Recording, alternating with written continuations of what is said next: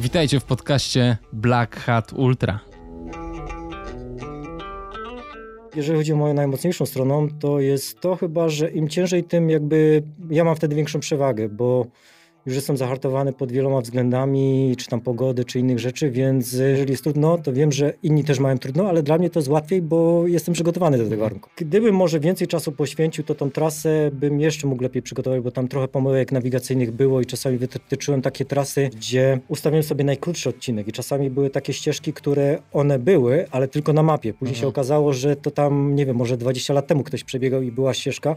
W ogóle tej ścieżki nie było. Ja tam pod ten podbieg i wracałem się może z trzy razy razy, więc straciłem tam chyba z 15 minut, może 20. Wróciłem się jeszcze raz pod tą górkę, już nie mówiąc ile, ile tego przewyższenia sobie nadrobiłem. To z kolei spowodowało to, że tej drugiej nocy zakładałem sobie gdzieś 20-21, a okazało się w schronisku byłem o pierwszej czy tam o drugiej w nocy, więc to też spowodowało, że bardziej byłem zmęczony. Jako, że to była druga noc, tak zasypiałem, że uznałem, że lepiej się zatrzymać w lesie, zgasiłem czołówkę, no i po prostu jak za odjęciem, nie wiem, e, czardziejskiej różdżki zasnąłem. To był Daniel Stroiński, a ja jestem Black Hat i witam Was w podcaście Black Hat Ultra. Witajcie moi drodzy. Nawet nie wiecie, jak się cieszę, że mówię te słowa do Was, do patronów, do osób, które chcą słuchać tej audycji i która jest dla nich ważna. Czuję się trochę tak, jakbym robił ten podcast dla paczki znajomych. I uwierzcie mi, nie ma lepszego uczucia. Mój dzisiejszy gość to niesamowity przecinak. Daniel Stroiński bierze udział w najcięższych wyrypach biegowych, jakie możecie sobie wyobrazić u nas w kraju.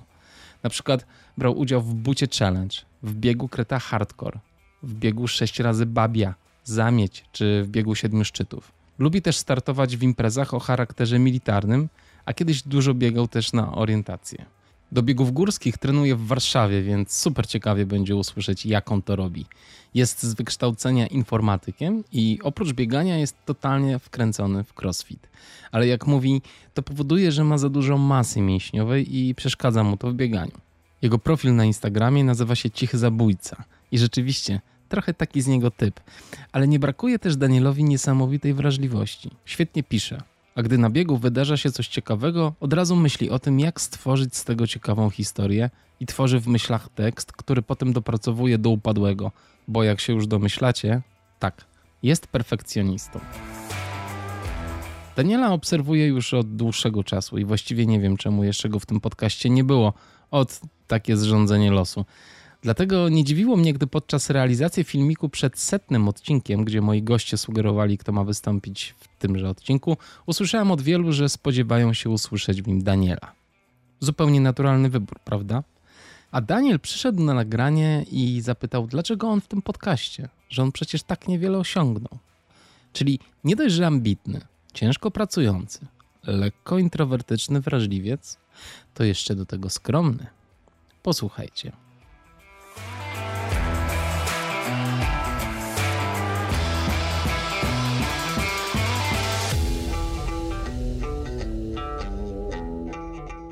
Cześć Daniel, witam cię. Witam serdecznie.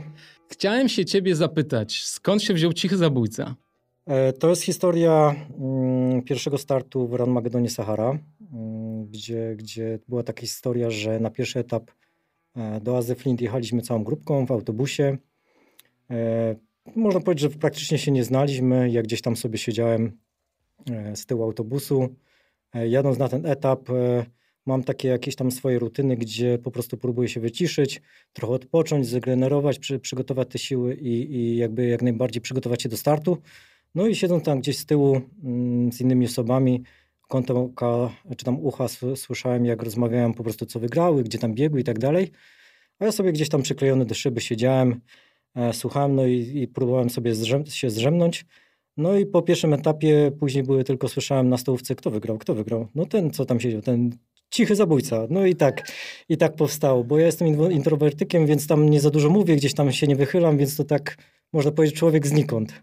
Jesteś introwertykiem, I tak, informatykiem. I tak, się, I tak się przykleiło, tak. Introwertyk, informatyk. Ale ty w ogóle świetnie piszesz, bo y, ja nie wiedziałem, że to jest y, dokładnie ta historia. Myślałem, że to ma, że ta ksywka jakby została ci nadana wcześniej, ale ty dokładnie tę historię opisałeś na Facebooku swoim tak. I bardzo fajnie jest to napisane. Co miałeś z Polaka? Właśnie e, byłem osobą, która miała bardzo dobre oceny z przedmiotów ścisłych, a z polskiego zawsze była gdzieś tam czwórka, bo, bo no, praktycznie chyba za każdym razem miałem czerwonym paskiem i zawsze ten polski gdzieś tam kulał. W sensie ortografia, gramatyka i, i ten polski nigdy mi nie leżał. I nigdy bym w życiu nie przypuszczał, że gdzieś narodzi mi się taka chęć pisania właśnie czasami e, tych swoich opowiadań po, po biegach, aż tu nagle gdzieś tak sobie pomyślałem, że wydarzyło się na biegu coś ciekawego E, w czasie biegu nawet sobie gdzieś tą historię tak jakby stworzyłem, no i później w ten właśnie taki sposób, który, który moim zdaniem był ciekawy, starałem się przerzucić, dorzucić jakieś tam ciekawe porównania, no i tak to powstało. Super. Wszystkim wam polecam. Często mam tak, że jak właśnie biegnę bieg i wiem, że coś jest ciekawego, coś, co, co jest takiego nietypowego, gdzie, że tak powiem, um, że to jest bieg przygodowy, górski, mhm. nawet nie tyle ultra, tylko przygodowy, bo jakieś tam przygody mnie nie spotkały, no wtedy już wiem i układam sobie w głowie tą historię, którą opiszę. Jeżeli nic się nie wydarzy, to zazwyczaj tylko tam krótka jakaś informacja, miejsce i tyle. Ale to już biegniesz z historią w głowie. Tak, często sobie już właśnie takie sformułowanie zdania zapisuję nawet y, w notatniku gdzieś, jeżeli mam możliwość, żeby później mi to nie umknęło. A to jest fajne. A e, czy ta historia, którą ty piszesz w trakcie ciekawych biegów też ci pomaga jakoś w ogóle w samym bieganiu?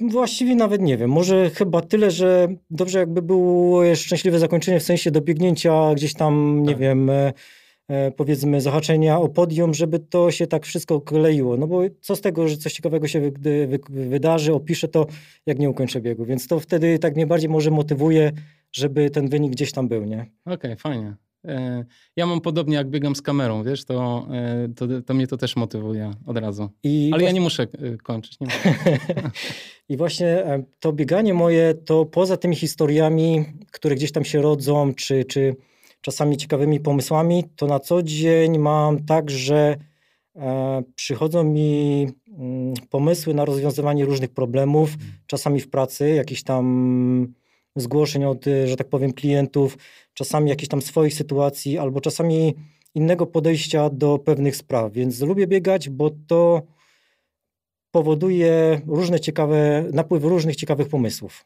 Masz czas na myślenie po prostu, przeanalizowanie e, tego. Po prostu one przychodzą. podejrzewam, że to jest po prostu z większego dotlenienia mózgu. I mhm. ten mózg e, lepiej pracuje, więc to powoduje, że te pomysły same się rodzą. Fajnie. A skoro już powiedziałeś o pracy, to czym się zajmujesz na co dzień? E, jestem informatykiem, pracuję w korporacji, mam pod obsługą trzy, trzy biura w Polsce i tak staram się, żeby tam wszystko funkcjonowało.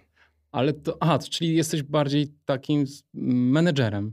Trochę tak. Czy jeszcze piszesz kod? Nie, nie jestem w ogóle programistą. Z jednej strony żałuję, bo to są fajne pieniądze, a z drugiej strony nigdy mnie do tego jakby nie ciągło i mm, myślę, że to też dużo czasu by mm, mi zabierało, a też z perspektywy czasu sobie myślę, że gdybym się zająłby tym programowaniem, to być może nie miałbym tyle czasu na sport, bo ten sport od małego był taką moją pasją i jakby poprzez to wynika to, gdzie, w którym miejscu jestem i co robię po prostu. Ty w ogóle wybierasz bardzo ciekawe biegi, bo ty biegasz takie biegi, które niewiele osób chce biegać.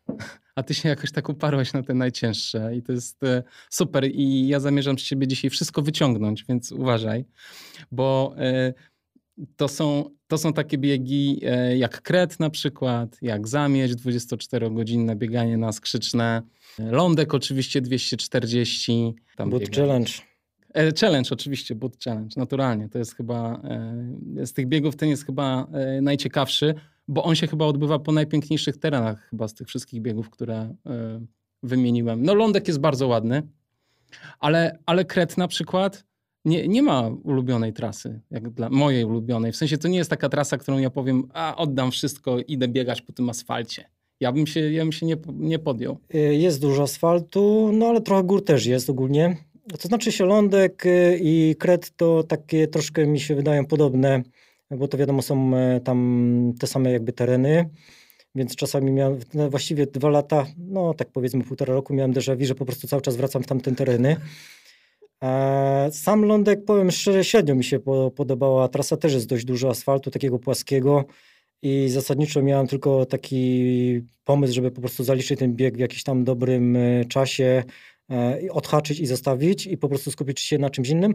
Ale tak, e, Boot Challenge, no ciekawy bieg, trudny, moim zdaniem chyba najtrudniejszy, aczkolwiek co ciekawe, e, chyba nie po tym biegu wyglądałem najgorzej, nawet bym powiedział, że wyglądałem bardzo dobrze. Były biegi teoretycznie łatwiejsze, gdzie tam jakiś zbieg okoliczności czy innych sytuacji spowodował, że po prostu bardziej mnie zniszczyły. Skoro mówimy o tym bucie, ja też bym bardzo chętnie dużo pogadał o bucie. Ciężko się rozmawia o tych zawodach, bo one co chwilę zmieniają formułę, prawda? To jest taki bieg, który ewoluuje i tak. byłem ciekaw, jak to będzie w tym roku.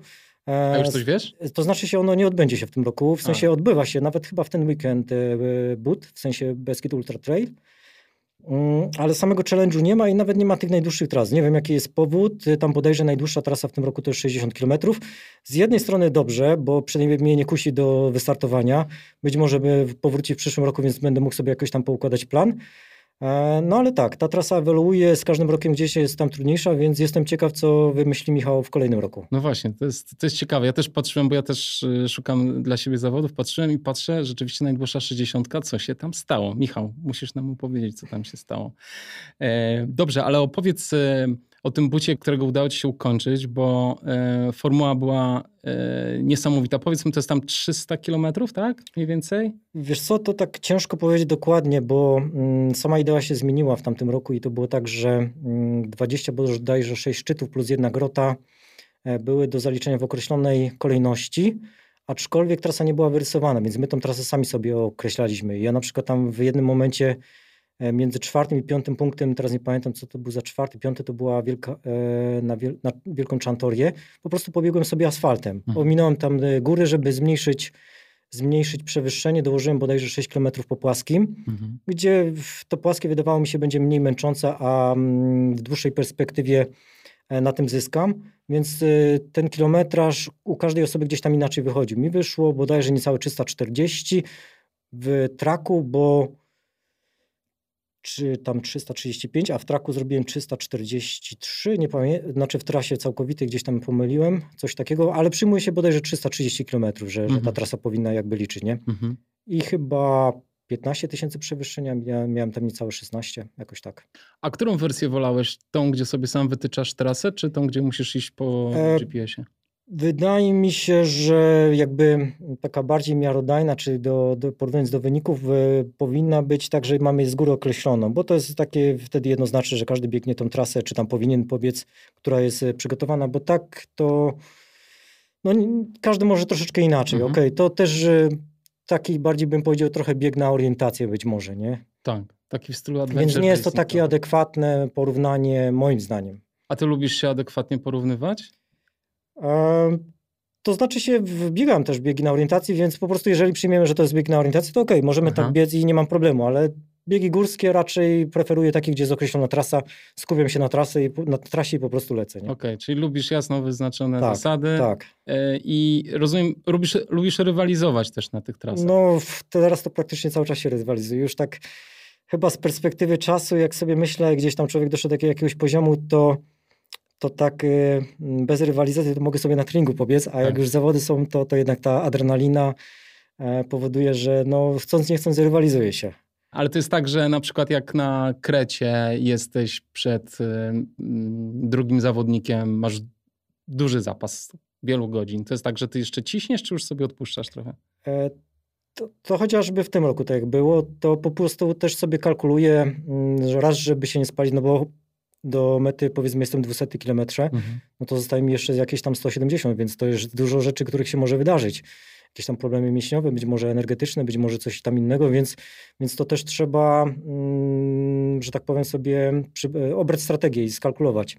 Dwa, mm, tak chociaż jakby w tym roku, gdyby była taka potrzeba, mm, nie wiem, być może mm, nie wiem, rekord e, trasy byłby inny, no to mhm. myślę, że byłoby do, jak najbardziej do, do zrealizowania zejście poniżej 70 godzin. Mhm. Ale nie było takiej potrzeby, miałem gdzieś tam przewagę. Mhm.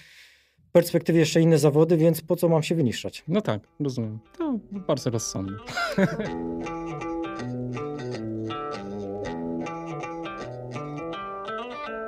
Do tego buta jeszcze chciałem wrócić, bo ja pamiętam, jak skończyłeś tego buta, mm, było takie wideo chyba, które zrobił Jacek Deneka z mety. I Michał Kołodziejczyk, Kołodziejczyk tak stał, słuchał tego, co mówi się i mówił, no ja wiedziałem, że on to ukończy, bo e, on świetnie logistycznie jest przygotowany do tego. Był już na, w ogóle od startu. E, jakbyś mógł nam opowiedzieć, jak ty się szykujesz do takich startów i co twoim zdaniem jest e, twoją mocną stroną przy takim przygotowaniu do nich? To znaczy się, no wiadomo, każdy bieg jest troszkę inny, więc tutaj przygotowanie pod konkretne biegi jest inne, więc do tego przygotowania jakby tutaj jeszcze wrócę. Aczkolwiek jeżeli chodzi o moją najmocniejszą stroną, to jest e, to chyba, że im ciężej, tym jakby ja mam wtedy większą przewagę, bo już jestem zahartowany pod wieloma względami, czy tam pogody, czy innych rzeczy, więc mm, to jakoś tak na, na, napawa mnie optymizmem, że jeżeli jest trudno, to wiem, że inni też mają trudno, ale dla mnie to jest łatwiej, bo jestem przygotowany do tych warunków. Mhm. Więc teoretycznie im trudniej, tym łatwiej dla mnie. A jeżeli chodzi o sam ten bieg, to tutaj wiadomo, te punkty trzeba było sobie jakoś tam opracować. Gdybym może więcej czasu poświęcił, to tą trasę bym jeszcze mógł lepiej przygotować, bo tam trochę pomyłek nawigacyjnych było i czasami wytyczyłem takie trasy, um, już teraz nie pamiętam przy pomocy którego narzędzia, gdzie ustawiłem sobie najkrótszy odcinek i czasami były takie ścieżki, które one były, ale tylko na mapie. Później się okazało, że to tam, nie wiem, może 20 lat temu ktoś przebiegał i była ścieżka i się trzeba było prze, przepychać. Pamiętam, przez krzaki po prostu, prze, tak? Przez krzaki, pamiętam na takim jednym zbiegu, który, który jakby w prawo odbijał, a ja miałem po prostu mm, troszkę w lewo gdzieś odbić. W ogóle tej ścieżki nie było. Ja tam pod ten podbieg i wracałem się może z trzy razy, więc straciłem tam chyba z 15 minut, może 20. Dopiero w momencie, kiedy wróciłem się jeszcze raz pod tą górkę, już nie mówiąc ile, ile tego przewyższenia sobie nadrobiłem, kątem oka gdzieś tam na drzewie zobaczyłem jakieś oznaczenie, że faktycznie jest szlak, więc mhm. to takie czasami pomyłki, to z kolei spowodowało to, że tej drugiej nocy zakładałem sobie gdzieś 20-21 e, pi razy drzwi, że będę w schronisku, już teraz nie pamiętam tej nazwy, a okazało się w schronisku byłem o pierwszej czy tam o drugiej w nocy, więc to też spowodowało, że bardziej byłem zmęczony. Jako, że to była druga noc, hmm. to już spowodowało, że e, senność mnie wzięła i jeszcze przed dotarciem do tego schroniska mm, już miałem takie problemy, tak zasypiałem, że uznałem, że lepiej się zatrzymać w lesie. Mhm. Znaleźć sobie takie miejsce adekwatne, jakieś takie w miarę bezpieczne, gdzie mógłbym usiąść, oprzeć się, więc znalazłem sobie pieniek, e, usiadłem sobie na tym pieńku, jakoś tak sobie ustawiłem ręce, żeby, żeby ta głowa mi nie uciekała, ustawiłem sobie budzik na, na, na tym, na telefonie na 15 minut, zgasiłem czołówkę, no i po prostu jak za odjęciem, nie wiem, e, czar czardziejskiej różdżki zasnąłem. 10 e, minut później zimna już mnie telepało, obudziłem się, ale to mi po, pozwoliło zresetować głowę i dotrzeć do tego schroniska. No ale gdyby nie te pomyłki, to pewnie bym dotarł szybciej, więc no to tak. czasami takie elementy, które można byłoby poprawić. A jeżeli chodzi o samą logistykę, mhm. no to tak jak mówiłem, ta trasa, mm, przygotowanie od punktu do punktu, założyłem sobie jakieś tam w plecaku jedzenie, to co miałem na. No właśnie, bo nie możesz mieć supportu, tak? Żadne... Tak, nie może być żadnego zewnętrznego Czyli tylko to, supportu. ze sobą sklepy, tak? I schroniska. Nowe schroniska. Tak, więc założyłem sobie to, co mam gdzieś tam na 60, 70, może 80 kilometrów.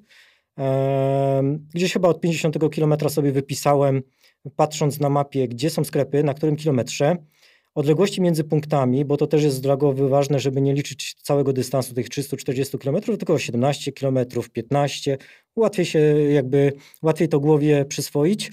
E, tak jak mówię, na którym kilometrze były punkty, znaczy w sensie sklepy, e, do której godziny te sklepy były odczynne, bo to też jest ważne, że tak hmm. trudno założyć, czy ja do tego punktu, na przykład jeżeli sklep jest o 18, czy ja tam nie będę o 19, czy on nie będzie zamknięty.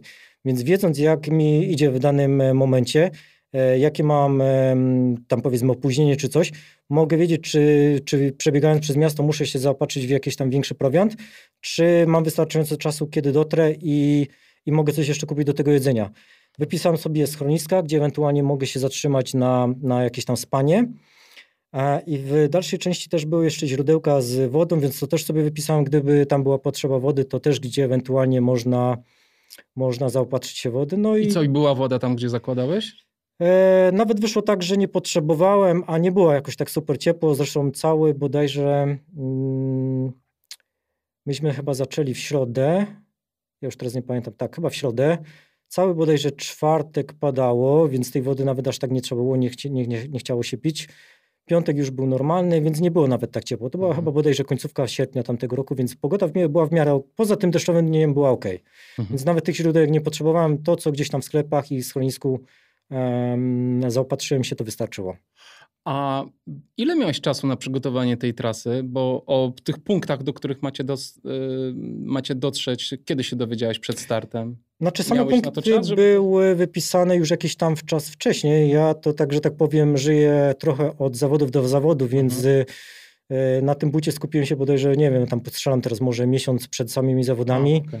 więc sobie wy, ten wy, wypisałem te punkty, mapy gdzieś tam przygotowałem, też miałem kolegę, który się bardziej w tym specjalizował, więc on też mi tam kilka mhm. e, rzeczy pomógł, wskazał, gdzie, gdzie ewentualnie można by poprawić. E, Chyba Czyli tam... miałeś czas, żeby się przygotować generalnie. Tak, Bo tak ale... sobie myślę, wiesz, czasem w Adventure Racing jest tak, że oni dostają punkty, do których mają dotrzeć dosłownie, wiesz, nie, na nie, godzinę nie. przed to, startem. To wiesz co, to na zawodach, na orientację, biegach no na orientację jest tak, że mapy dostajesz przed samym startem, więc wtedy właściwie masz 5 minut, czasami nawet nie jest tak, że 5 minut dostajemy mapę i ruszamy, a czasami jest, że dostajemy mapę, mamy 5 minut do startu i rysujemy sobie, jeżeli chcemy na przykład, gdzie, którędy chcemy biec, nie? Mhm. No dobra, to rozumiem logistykę, znaczy y, mniej więcej y, na bucie. A jak wygląda logistyka na Krecie na przykład, gdzie ty możesz mieć support? Widziałem y, niektóre mm, nagrania wideo, gdzie ty podbiegasz do samochodu, wiesz, na spokojnie to wyjmujesz, to wsadzasz, to zabierasz ze sobą i lecisz dalej. Tak jakbyś właśnie tak był super przygotowany do tego. Czy to rzeczywiście tak jest, że ty tak kompletnie kontrolujesz sytuację? Wiesz co, staram się, bo jestem, jestem taką osobą mm, trochę dążącą do perfekcji, więc lubię mieć poukładane. Mm, tutaj też akurat ten kret to są tak jakby dwie osobne historie, bo na pierwszym krecie, którym byłem, to nie miałem swojego supportu, więc tam korzystałem ze supportu jakby organizatorów. Hmm. Później gdzieś tam w drugiej części, mm, jak biegłem z Andrzejem, to jego dziewczyna jeździła mm, samochodem, więc tam tą swoją torbę mogłem zostawić, więc to mi gdzieś też pomogło. Mm, no ale ten drugi to już y, teraz, że tak powiem, E, tegoroczny, to, to, to właśnie mm, dziewczyna z koleżanką supportowały, więc tam jakby miałem wszystko przygotowane. Zresztą cały van był za, załadowany różnymi rzeczami, śpiworem, jedzeniem. Tam kompletnie było wszystko. Mhm.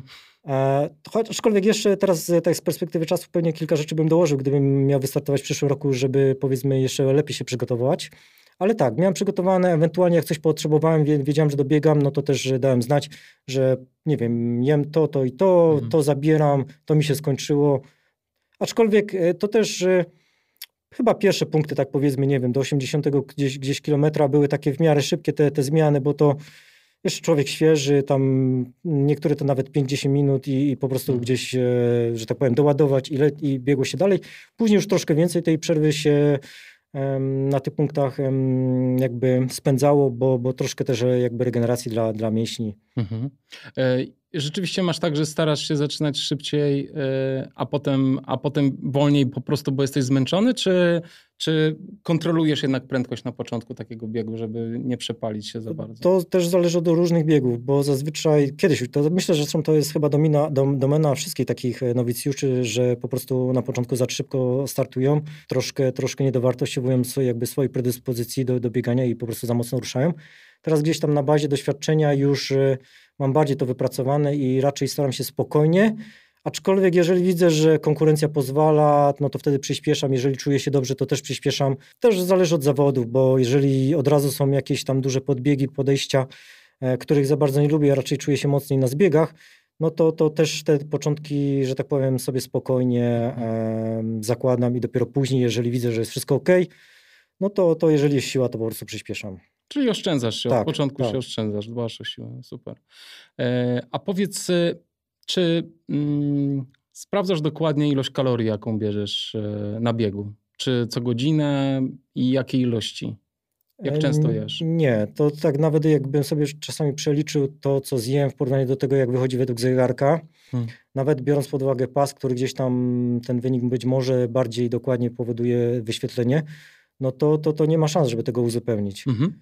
E, aczkolwiek zakładam sobie coś takiego, że jeżeli tam powiedzmy dobre śniadanie, czy w zależności o której godzinie startujemy, ten posiłek przedstartowy jest taki dobry, no to te dwie godziny pierwsze mogę biec bez jedzenia, e, bez jakiegoś tam e, czucia tego takiego e, osłabienia organizmu, a później już tak zakładam, że co godzinę coś tam wrzucę, jakiś e, baton, jakiś mus owocowy, być może coś z punktów, jeżeli te punkty są tam dobrze zaopatrzone, więc tak zakładam co godzinę coś wrzucić, mhm. E, no i z piciem też tam w zależności od pogody, co, co 15 minut jakiś tam mały dwa albo dwa małe łyki, jeżeli jest ciepło, no to 10, co 10 minut, jeżeli jest super ciepło, co, co 5 minut, więc w mhm. zależności od warunków pogodowych też to biorę pod uwagę, nie?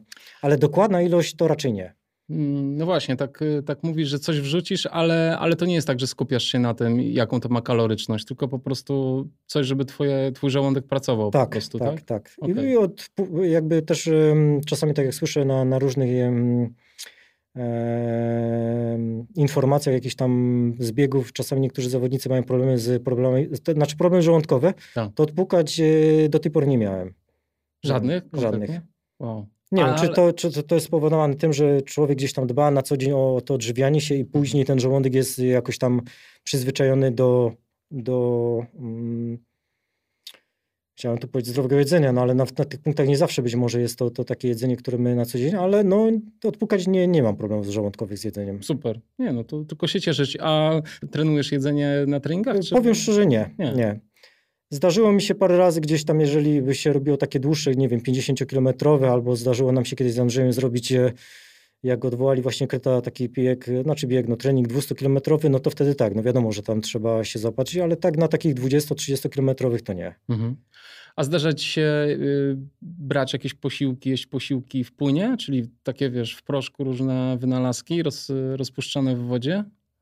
Ale to znaczy się nie bardzo teraz wiem jakie. Czy mówisz co, o lizofiliowanych? Takie... Słucham? Mówisz o tych lizofiliowanych? Nie, nie, nie. Mówię o takich, wiesz, y, y, Mountain Fuel na przykład miał takie proszki, teraz Tailwind ma, ma proszki, nie, Maurten nie, nie, ma proszki. takie po prostu, wiesz, takie fajne proszki, które wrzucasz do 500 mhm. ml wody, rozpuszczasz i jakbyś pijesz kalorie. O. To nie, to nie, nie, korzystałem. Nawet powiem szczerze, staram się... Mm, nie korzystać w ogóle z żeli. E, Aha. Jeżeli chodzi o biegi ultra, to staram się stosować te musy owocowe takie dla dzieci, bo one są bardziej naturalne, po prostu owoce gdzieś tam e, zmiksowane. E, żel, no to czasami się zdarza mi na krótkich biegach, gdzie tego czasu jakby nie ma na jedzenie i, i zazwyczaj ten plecak jest, że, że tak powiem, jak najlżejszy. No to te musy mhm. trochę więcej zajmują, jeżeli chodzi o miejsca, one też mają mniej kaloryczności, więc musy bardziej na długi bieg, gdzie mamy tego czasu więcej jakby na, na, na zjedzenie, czy na punkty, czy, czy, czy ogólnie a na krótkie biegi, nie wiem, jakieś tam 20-kilometrowe, 30-kilometrowe, czy nam na przykład militarne, tak jak ostatnio, no to, to już bardziej żele, no bo tu chodzi o to, żeby Takiego e, mieć tego kopa i po prostu jak najmniej na plecach, nie? Mhm. E, a poza, poza tymi e, soczkami dla dzieci, musami, to co jeszcze jesz na biegu? Wiesz co, no zasadniczo to, co tam jest. Czasami jakieś ciastka, czasami, znaczy bardzo lubię arbuzy, owoce, Zupki, w sensie te takie, nie wiem, pomidorowe, czy tam e, dyniowe, jeżeli są. Aha. Zasadniczo to, co jest, wiem, albo nie wiem, jakiś makaron, jeżeli też jest, to, to bardzo chętnie, bo to jednak jest ciepły posiłek, jeżeli, jeżeli czuję taki troszkę spadek energetyczny, to po prostu super wpływa, nie? Mhm. Ale to w schroniskach raczej, rozumiem. Znaczy się na niektórych biegach na punktach są, nie? A, no tak, tak. Czasami się zdarzy, więc to jak najbardziej. To po prostu nawet po takim punkcie, jak później się wyjdzie, to, to czuje się ten zastrzyk energii.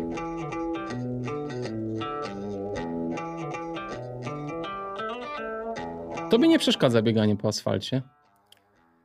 Myślę, że nie. Nie. Ale, ale wiesz co, to też jest tak, że jeżeli na przykład tak jak jest Kret, e, gdzie jest drogiego asfaltu trochę, czy nawet, e, czy nawet trochę ten bieg siedmiu szczytów, to ja przygotowuję się pod tym względem, że biorę sobie buty odpowiednie. Na przykład bardzo mhm. lubię biegać w Cliftonach, które są asfaltowe, bo gdybym miał biec w jakichś takich butach z bieżnikiem górskim, no to, to nie lubię tego po prostu czuć to i ta stopa gdzieś tam cierpi, nie? Mhm. A Clifton jest taki dość miękki, ma dobrą amortyzację, więc wtedy, wtedy mi to nie przeszkadza. Czyli na tych dłuższych biegach zmieniasz buty? Tak, tak, tak. No praktycznie mm, tego kreta tegorocznego to praktycznie myślę, że w 95% przebiegłem w Cliftonach, mhm. butach asfaltowych. Śnieżkę i śnieżnik tylko zmieniłem tam na speedgoaty, gdzie no śniegu trochę było, więc żeby to, trochę lepsza przyczepność była, no to, to jednak takie buty z bieżnikiem. Mhm. Przypomnijmy jeszcze powiedzmy naszym słuchaczom, że y, Kret ma 378. No, 377 powiedzmy. 377. No, także to jest kawałek wyrypy. I lecimy od Ślęży na Śnieżkę, potem na Śnieżnik. I wracamy na Ślężę. wracamy na Ślężę. Tak, taki trójkącik wesoły. Trójkąt sudecki. Trójkąt sudecki to właśnie Daniel jest specjalistą, no bo e, Daniel wygrywa oczywiście te biegi, żeby było jasne. Zdarzyło się. Zdarzyło się. No właśnie, e, powiedz e, z tym wygrywaniem jak jest, bo już powiedzieliśmy, że ty lubisz rywalizować. I jak ty się na przykład czułeś na biegu siedmiu szczytów, kiedy tam musiałeś rywalizować z mocnymi zawodnikami, jak Krystian Ogły na przykład. Jak ty wtedy jak ty się czujesz wtedy i, i jak, ty, jak ty myślisz o rywalizacji i o biegu, że wiesz, że masz mocnego przeciwnika e, obok siebie? Czy to zmienia troszeczkę twoje podejście do, do startu? Znaczy to na pewno bardziej motywuje mm, i powiem szczerze, właśnie to jest bieg, który w tamtym roku najbardziej mnie, że tak powiem, zniszczył, bo pomimo gdzieś tam swojego doświadczenia, no popełniłem dość dużo błędów. E, pierwszy błąd to był taki, że e, bo od czasu do czasu wiadomo, jak biegamy te nasze biegi górskie, to nasze stopy są takie zniszczone, że, że trzeba gdzieś tam o nie zadbać. I mm, był taki moment, że wiedziałem, że chcę odwiedzić podologa. Mhm. I gdzieś tam nie umiałem się z terminem wbić. Mm, no i okazało się gdzieś, e, że jedyny możliwy termin to był poniedziałek w tygodniu, w którym wystartowałem. I to był pierwszy błąd, bo ta skóra na stopach była za miękka. Druga, drugi błąd e, e, to był taki, że zostawiłem sobie skarpetki wodoodporne na przepaku. To jest tam nie pamiętam, 70 km, 80, nie, nie, wiem. A już wcześniej było dość mokro, więc te stopy dość mocno zaczęły gdzieś tam e, odparzenia się robić, odciski i jak już do tego punktu dobiegłem, to już miałem problemy. Mhm. I tak de facto chyba od 130 km, tak sobie myślę, a może nawet i szybciej, E, biegłem z dużymi pęcherzami i właściwie mm, już z nimi za bardzo nic nie szło zrobić i to tak trochę bardziej biegłem spięty niż z palców. Hmm. Ja po biegu pamiętam, miałem tak e, na, nabite golenia, że jak moja dziewczyna mnie zobaczyła, jak wchodziłem e, pod prysznic po biegu, to po prostu ja wchodziłem na czworakę. Ja już nie umiałem z, z tego prysznicu, z brodzika wyjść. Po prostu na, na, na czworaka w ogóle wychodziłem. Na drugi dzień z łóżka nie umiałem wstać, po prostu golenia były tak tak zmasakrowane. Całe te ponad 100 km było w biegu po prostu spięty. To jest taki nienaturalny bieg hmm. i ten, te, ten mięsień gdzieś tam pracuje, który nie był przyzwyczajony. I z jednej strony się cieszę, że ten bieg ukończyłem, bo to było naprawdę dość takie duże wyzwanie, z drugiej strony nie jestem zadowolony, bo wiem, że, że byłoby mi stać na lepszy wynik i, i myślę, że Krystian był tam gdzieś e, w zasięgu. E, już nie mówiąc o tym, że e, nie pamiętam już teraz kolegi, Krzysztof Krzysiek chyba Lachor. na sam koniec mnie wyprzedził. Tak, e... ale on miał, on miał dziką końcówkę w tym roku. On... To, to miał chyba taki dzień konia, on ale miał. ja nawet się nie spodziewałem, po prostu zobaczyłem na punkcie zawodnika, jeszcze pamiętam z tego punktu tam, nie wiem, chyba z dwa kilometry było asfaltu, jak go zobaczyłem, po prostu od razu ruszyłem, tym asfaltem pobiegłem, ale jak już zaczęły się kamienie, to już e, po prostu przeszedłem do marszu, bo już tak mnie stopy bolały, że, że masakra, więc z jednej strony się cieszę, że go ukończyłem, z drugiej strony jestem tak trochę niezadowolony z po prostu tego, jak, do tego, jak to wszystko się wydarzyło, nie? -hmm. Właśnie, po takim biegu masz ochotę wrócić i poprawić? To jest jedyny taki chyba, mm, że tak powiem, e, czynnik, który by mnie zmusił, czy tam skusił do startu jeszcze raz w tym biegu siedmiu szczytów, bo sam bieg, e, nie chodzi mi o organizację, tylko trasę, tak dla mnie jako mm, zawodnika to średnio atrakcyjny. No proszę. Ta trasa mi się tak bardzo średnio ciekawe. podoba. A to bardzo ciekawe. To szybciej bym wrócił chyba na bieg Kreta, który mi się dużo bardziej podobał. Ojejku, to bardzo, bardzo ciekawe, bo jednak e, Kret ma bardzo długie przeloty przez miasteczka i to jest tak... No ma trochę, ale tak mi się wydaje trochę ciekawszy jakby. Ale ty tak na asfalt, nie masz nic przeciwko asfaltowi, chodnikom, jesteś przygotowany obuwniczo do tych odcinków, więc spoko. Dobra, e, kumam. A powiedz mi, a jak ty, bo powiedziałeś o stopach, jak normalnie przygotowujesz stopy do biegu? To znaczy... Czy to oklejasz je taśmą na przykład, czy smarujesz? Powiedziałeś coś o skarpetkach wodoodpornych, czy na każdym biegu korzystasz ze skarpetek wodoodpornych? E, to znaczy się, wiesz co, też y, przed biegami patrzę mniej więcej jaka jest pogoda, więc jeżeli tam nie ma jakichś y, tych opadów, no to jest, czasami się zdarzy, że po prostu nie biorę. E, też biorę pod uwagę, czy są te punkty przepaki, żeby móc zostawić. Wiadomo też, jeżeli gdzieś nie ma, a są przewidywania pogodowe, no to wtedy po prostu w plecak ładuję. Mhm. Więc skarpetki wodoodporne to jest y, to jest jeden z elementów. Jakoś tutaj nie ma takiej systematyczności, ale czasami staram się tymi maśćmi takimi przygotowującymi stopami gdzieś smarować, ale to też jest takie, że te stopy są, wiadomo, to musisz gdzieś na sam koniec dnia przygotować już przez spaniem, czasami się zapomina, czasami te mhm. stopy są takie tłuste, więc no tutaj tej, tej u mnie regularności nie ma, myślę, że też by spowodowało, że one byłyby mniej narażone na, na otarcia ale od jakiegoś czasu właśnie chodząc do podologa, mm, tam jeden z podologów mi podsunął taki pomysł z takimi gąbkami i też już sobie przygotowałem, wyciąłem takie jakby takie, mm, nie wiem jak to powiedzieć, takie pod, podkładki właśnie w miejscach, w których się robią odciski mhm. i wtedy jeżeli czuję, to mam przygotowane, gdzie tą gąbkę sobie jakby taką podkładkę przy, przyklejam, oklejam taśmą i wtedy ona mniej czy jeżeli już mam jakiś odcisk albo miejsca, które mi się robią w odciskach, no to mniej bolą, mniej, że tak powiem, e, są takie mm, pracujące, więc jest ten bieg wtedy możliwy bardziej do, do, do przebiegnięcia. Czyli przed biegiem nie oklejasz tych miejsc, które e... są podatne na... Raczej nie, no chyba, że miałbym jakiś problem już przed samym biegiem. Zdarzyło mi się na chyba jednym biegu na maratonie selekcja, kiedy, kiedy chyba po biegu górskiego komandosa już miałem troszkę nogi właśnie takie zniszczone. E, tam jest plecak też 10-kilogramowy, więc i but wojskowy, więc to takie jest też e, inne środowisko, ta stopa inaczej pracuje, więc tam już na bieg sobie przygotowałem. I wtedy ta, ten nacisk tego plecaka, te kamienie, to wszystko spowodowało właśnie, że uznałem, że te gąbki są od razu przydatne i tak było fajnie, że, że, że naklejając, mhm. te, te stopy no nie były tak zmasakrowane. Hmm. Każdy ma swój patent, to mhm. jest w ogóle, e, to jest, e, to jest super. Znaczy ja też czasami tam gdzieś e, zawodników podpytuję i na przykład właśnie na tym biegu siedmiu szczytów rozmawiam z Dawidem Pigłowskim, no i on na przykład, ja tam gdzieś, pamiętam w pewnym momencie biegliśmy razem, no i on mi tak stwierdził taką, taką, taką rzecz, że gdy biegniesz i pada deszcz, no to wtedy dobrze jest wchodzić w te kałuże, bo cały czas mokro, więc ta stopa gdzieś tam mm, nie, nie robią się te takie odparzenia, więc wtedy tak. się nie robią jakieś tam odciski.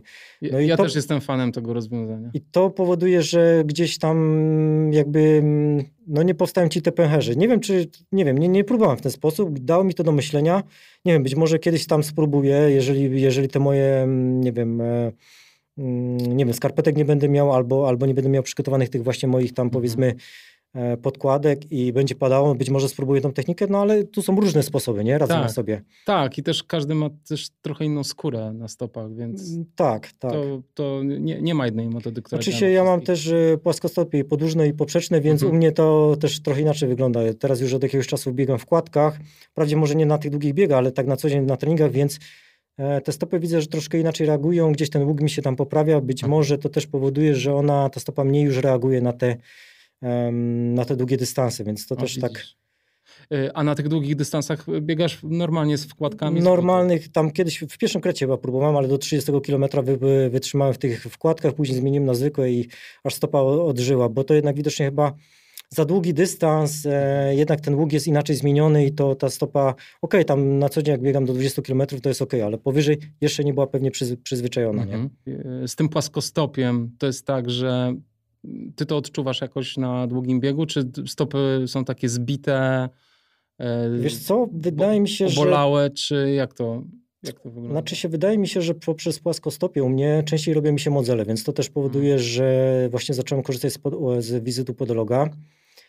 E, też wydaje mi się, że gdy nic z tym nie robimy, i tak mi się wydaje z perspektywy czasu w tych poprzednich biegach, tam gdzieś w poprzednich latach, jest ta nasza biomechanika za, zachwiana e, i wtedy to się jakby oddziałuje tym, że zaczyna nas coś gdzieś bolić, albo w biodrze, albo być może w kolanie, gdzieś są te takie przyciążenia.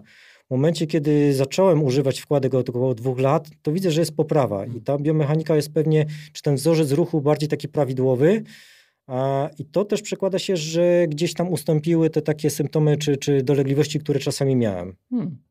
A korzystasz z takich wkładek zupełnie y, domyślnych, czy... Wiesz co, nie, ortopedycznych prostu... dostosowanych do, do, konkretnie do mojej stopy. A, konkretnie do... Tak, poszedłeś gdzieś... Tak, poszedłem na wizytę okay. i nawet powiem szczerze, po chyba po roku czasu byłem na kontrolnej wizycie i powiedziano mi, że naprawdę efekt jest y, piorunujący po poprawie tego łuku, nie? No ale to też pewnie spowodowane też, że na co dzień jak właśnie te treningi robiłem 20-kilometrowe, to ja po prostu w tych butach biegałem. Jak na siłownię idę, to też mam drugie wkładki, gdzie ćwiczę i też te wkładki mam ubrane, nie? Okej, okay. fajnie. To pocieszające, bo ja mam ten sam problem, to ja e, chętnie skorzystam z, z, z porady. Słuchaj, wspomniałeś o biegach, nazwijmy ich je o charakterze militarnym te wszystkie selekcje, biegi komandosów i w ogóle w całym rynsztunku wojskowym. Skąd pomysł na takie biegi? masz jakieś takie zamiłowanie do e, znaczy, munduru? Znaczy się, mm, wszystko się zaczęło z tego, że kiedyś tam w telewizji zobaczyłem selekcję, która była emitowana w polskiej telewizji. E, wtedy jeszcze nie byłem pełnoletni, no i tak wiadomo, jak to tam powiedzmy dzieciak, e, Podobało mi się to. Chciałem być takim komandosem, jak tam widziałem w telewizji. No i powiedziałem sobie kiedyś, że wystartuję. No i gdzieś tam zapomniałem o tym, byłem już pełnoletni i w pewnym momencie, mając chyba 25 lat, trafił mi się w ręce Mansfield, gdzie była opisana selekcja. No i to był ten rok, dosłownie tam chyba dwa miesiące przed wyjazdem do Anglii. No i wiedziałem, że już jakby w tym, tym konkretnym roku, to był chyba 2008 rok, czy 2007, już nie, 2007, wiedziałem, że po prostu nie ogarnę tego przed wyjazdem do Anglii, więc powiedziałem sobie, że w przyszłym roku na pewno pojadę i tak zrobiłem. E, na pierwszej selekcji gdzieś tam odpadłem, e, no ale w 2009 kolejny Którego raz... dnia odpadłeś na pierwszej selekcji? E, na mieście, tam był taki etap miejski, rozkodowywanie takiego kodu na mieście i Aha. to, no odpadłem.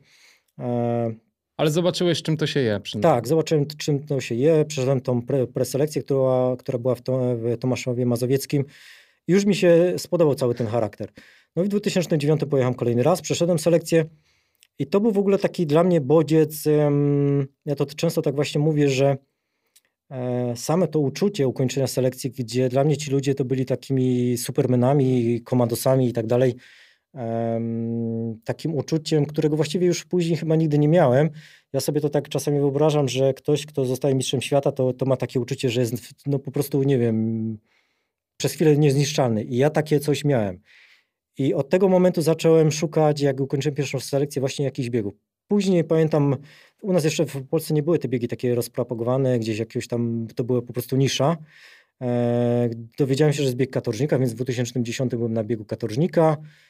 E, później bieg e, szlakiem wygasłych wulkanów, który, który mm, Chyba był nawet zorganizowany trochę na bazie mm, tego najbardziej znanego biegu mm, e, Tough Guy w Anglii.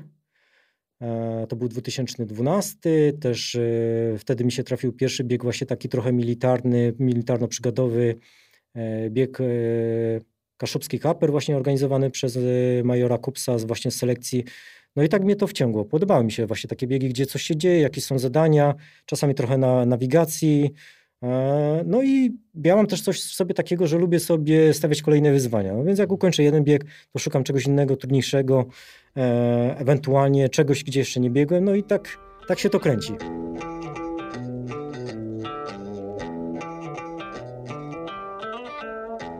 Sześć razy babia. Nie udało się. No nie udało się. To jest wyrypa, co? Jest wyrypa i powiem szczerze, bo to wiadomo, jak się tu mieszka w Warszawie, to ciężko się gdzieś tam przygotowywać pod te no biegi górskie. No Trochę mylnie sobie założyłem, że to takie moje bieganie w Warszawie mm, mi wystarczy, plus ja mam coś takiego, że moja mama mieszka w okolicach Limanowej, to jest tam Beskid Wyspowy, więc często jak tam jeżdżę przed biegami, mam taką rutynę, że zazwyczaj dwa tygodnie przed biegiem jadę, trochę sobie pobiegam tam w okolicach Mogielicy, no ale to teraz właśnie po Babie wiem, że jest za mało przewyższenia, za mało tych zbiegów. E, no i to było po prostu za słabe przygotowanie pod tą Babią. E, do tego doszło to, tak jak już wspomniałem, ja mam, znaczy nie czuję się mocnym zawodnikiem w podbiegach. Mhm. E, po prostu za mało treningu takiego. I akurat na Babie, żeby odrobić gdzieś tam straty i próbować gonić tych, tą czołówkę, no to to po prostu robię mocne zbiegi, do których się bardzo dobrze czuję. To jest akurat, wydaje mi się, moja najmocniejsza strona. Mhm. No ale jak się na babie tam powiedzmy biega i zbiega, no to te tereny są takie dość mocno kamieniste. Te nogi mocno pracują, no i już od trzeciego zbiegu czułem, że gdzieś skurcze się zaczynają, no i po mhm. prostu wiem, że to to moje założenie razy sześć wynikało po prostu ze słabego przygotowania, więc mhm. zdecydowałem się tak zgodnie z regulaminem e, skończyć na pięciu i tą szóstkę odłożyć no, być może na przyszły rok. No ale czekaj, mówisz o tych podbiegach, ale ja nie sądzę, żeby tam ktoś biegał pod górę pod bawią. To po prostu jest po prostu szybkie podchodzenie, prawda? Szybkie podchodzenie, ale czasami się gdzieś podbiega, ale mimo wszystko są zawodnicy, którzy mają tą, ten element jakby mocniejszy, tak, nie? Tak, tak, tak. Ja, tak jak mówię, mam mocniejsze zbiegi, no i normalnie, jak powiedzmy mamy bieg 100-kilometrowy, mhm. no to też od początku nie cisnę na maksa, tylko sobie mhm. gdzieś tam e, tą taktykę przyjmuję, że 60, 70 km do 70 km, jeżeli widzę, że jest wszystko ok, no to wtedy mogę tą końcówkę mocniej przycisnąć, jeżeli potrzebuję, jeżeli tam muszę kogoś gonić, nie? No właśnie, ja pamiętam jak Krzysiek Dołęgowski opowiadał, jak się szykował do 6 razy babia, to on sobie założył, że tam w tym miesiącu robi tam, nie wiem, 6 tysięcy pionu, yy, potem robi 10, chyba doszedł do 20 tysięcy pionu. E, I ja myślę, no tak, że w Warszawie to my sobie możemy pomarzyć o takim treningu. E, ale nadal ty pokonujesz, wiesz, no nie wiem, e, zamieć na przykład, to też jest, wiesz, cholernie siłowy bieg. e, bardzo ciężki. Tak, ale wiesz, chociażby same zbiegi czy coś, to tam jest jednak ten śnieg i te, te nogi wtedy mniej oddziaływują, nie, nie, tak się nie nabijają, więc to jest troszeczkę no tak. inne, inne, środowisko, nie? A jeszcze wracając do Krzysztofa, to tak to tak się e, ten e, mm, fajnie składa, że przed całym biegiem też przeczytam właśnie tą recenzję i tak sobie już wtedy pomyślałem, że, że to moje przygotowanie może być e, niewystarczające, nie? No. Jednak to taki, ten, ilość przewyższenia na 100 kilometrach jednak robi tam robotę, nie? Ro, robi. Ja też powiem ci, marzę o tej 6 razy babia, ale to coś by się musiało stać w moim życiu. Musiałbym się stąd wyprowadzić po prostu, żeby w ogóle myśleć o tym nawet. Ale to jest też właśnie, wiesz, pomimo tego wszystkiego ty robisz bardzo dużo przewyższeń na swoich biegach. I jaki masz pomysł na to, jak e, mieszkasz w Warszawie na co dzień i e, jak trenujesz? Bo ja patrzyłem na Twoją strawę, robisz dużo takich treningów biegowych w, w drugiej strefie, ale jesteś często na siłowni. Znaczy, ja sam, samą siłownię czytam crossfit bardzo lubię i to mhm. powiem szczerze, u mnie jest też trochę taki, znaczy plus i minus, bo jest to dla mnie takie przygotowanie chociażby po te biegi militarne, mhm. E, w ogóle takie sprawnościowe, więc ja jestem ogólnie, wydaje mi się osobą sprawną i to jest jakby taki w ogóle główny dla mnie element.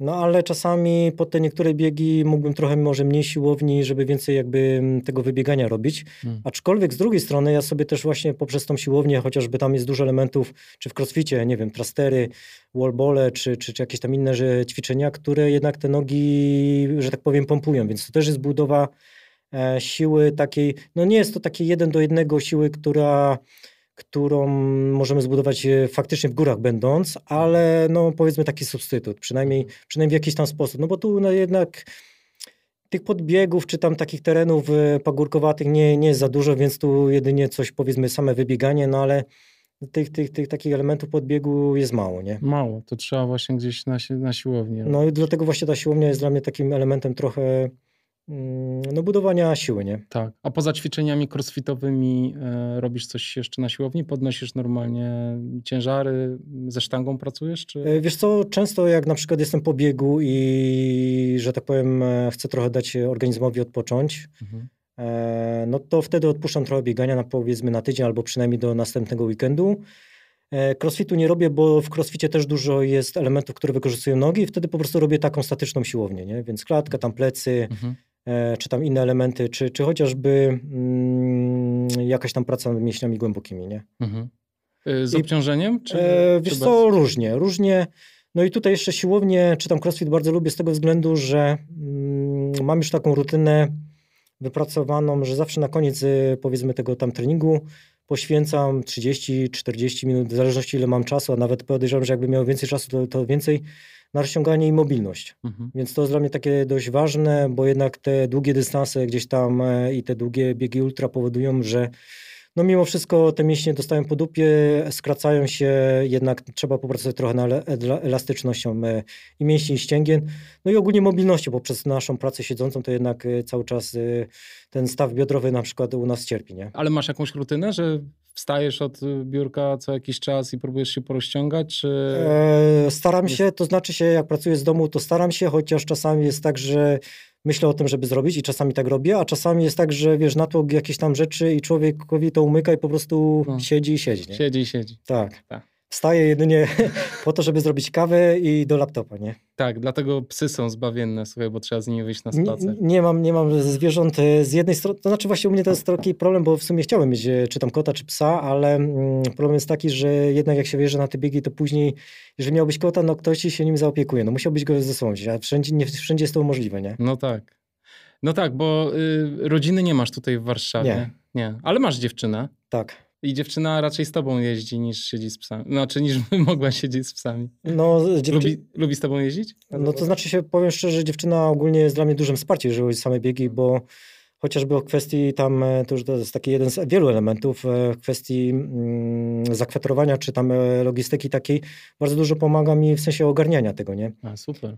E, już nie mówiąc wsparcia takie, jakie ma możliwość, bo zasadniczo na przykład jeżeli gdzieś tam są te punkty takie, mm, gdzie trzeba samochodem dojechać, no to niestety nie ma prawa jazdy, więc tu już mi nie pomoże, ale jeżeli jest inna możliwość, no to, to na każdym punkcie gdzieś tam mnie wspiera, nie? A to fajnie. To tu, fajnie. Tu, tu z jej strony naprawdę mam duże takie wsparcie, więc to, to zawsze pomaga.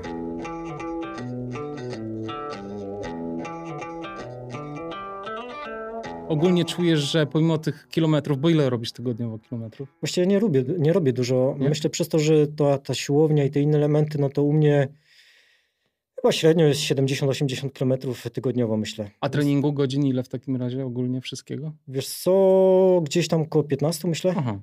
No to sporo na tej siłowni siedzisz, fajnie. Znaczy to razem z bieganiem, wiadomo. No tak, Wliczam, tak, tak, I tak. to też wliczam e, z biegami jakby w skali całego roku, nie? W Mhm. przeliczeniu. Mhm.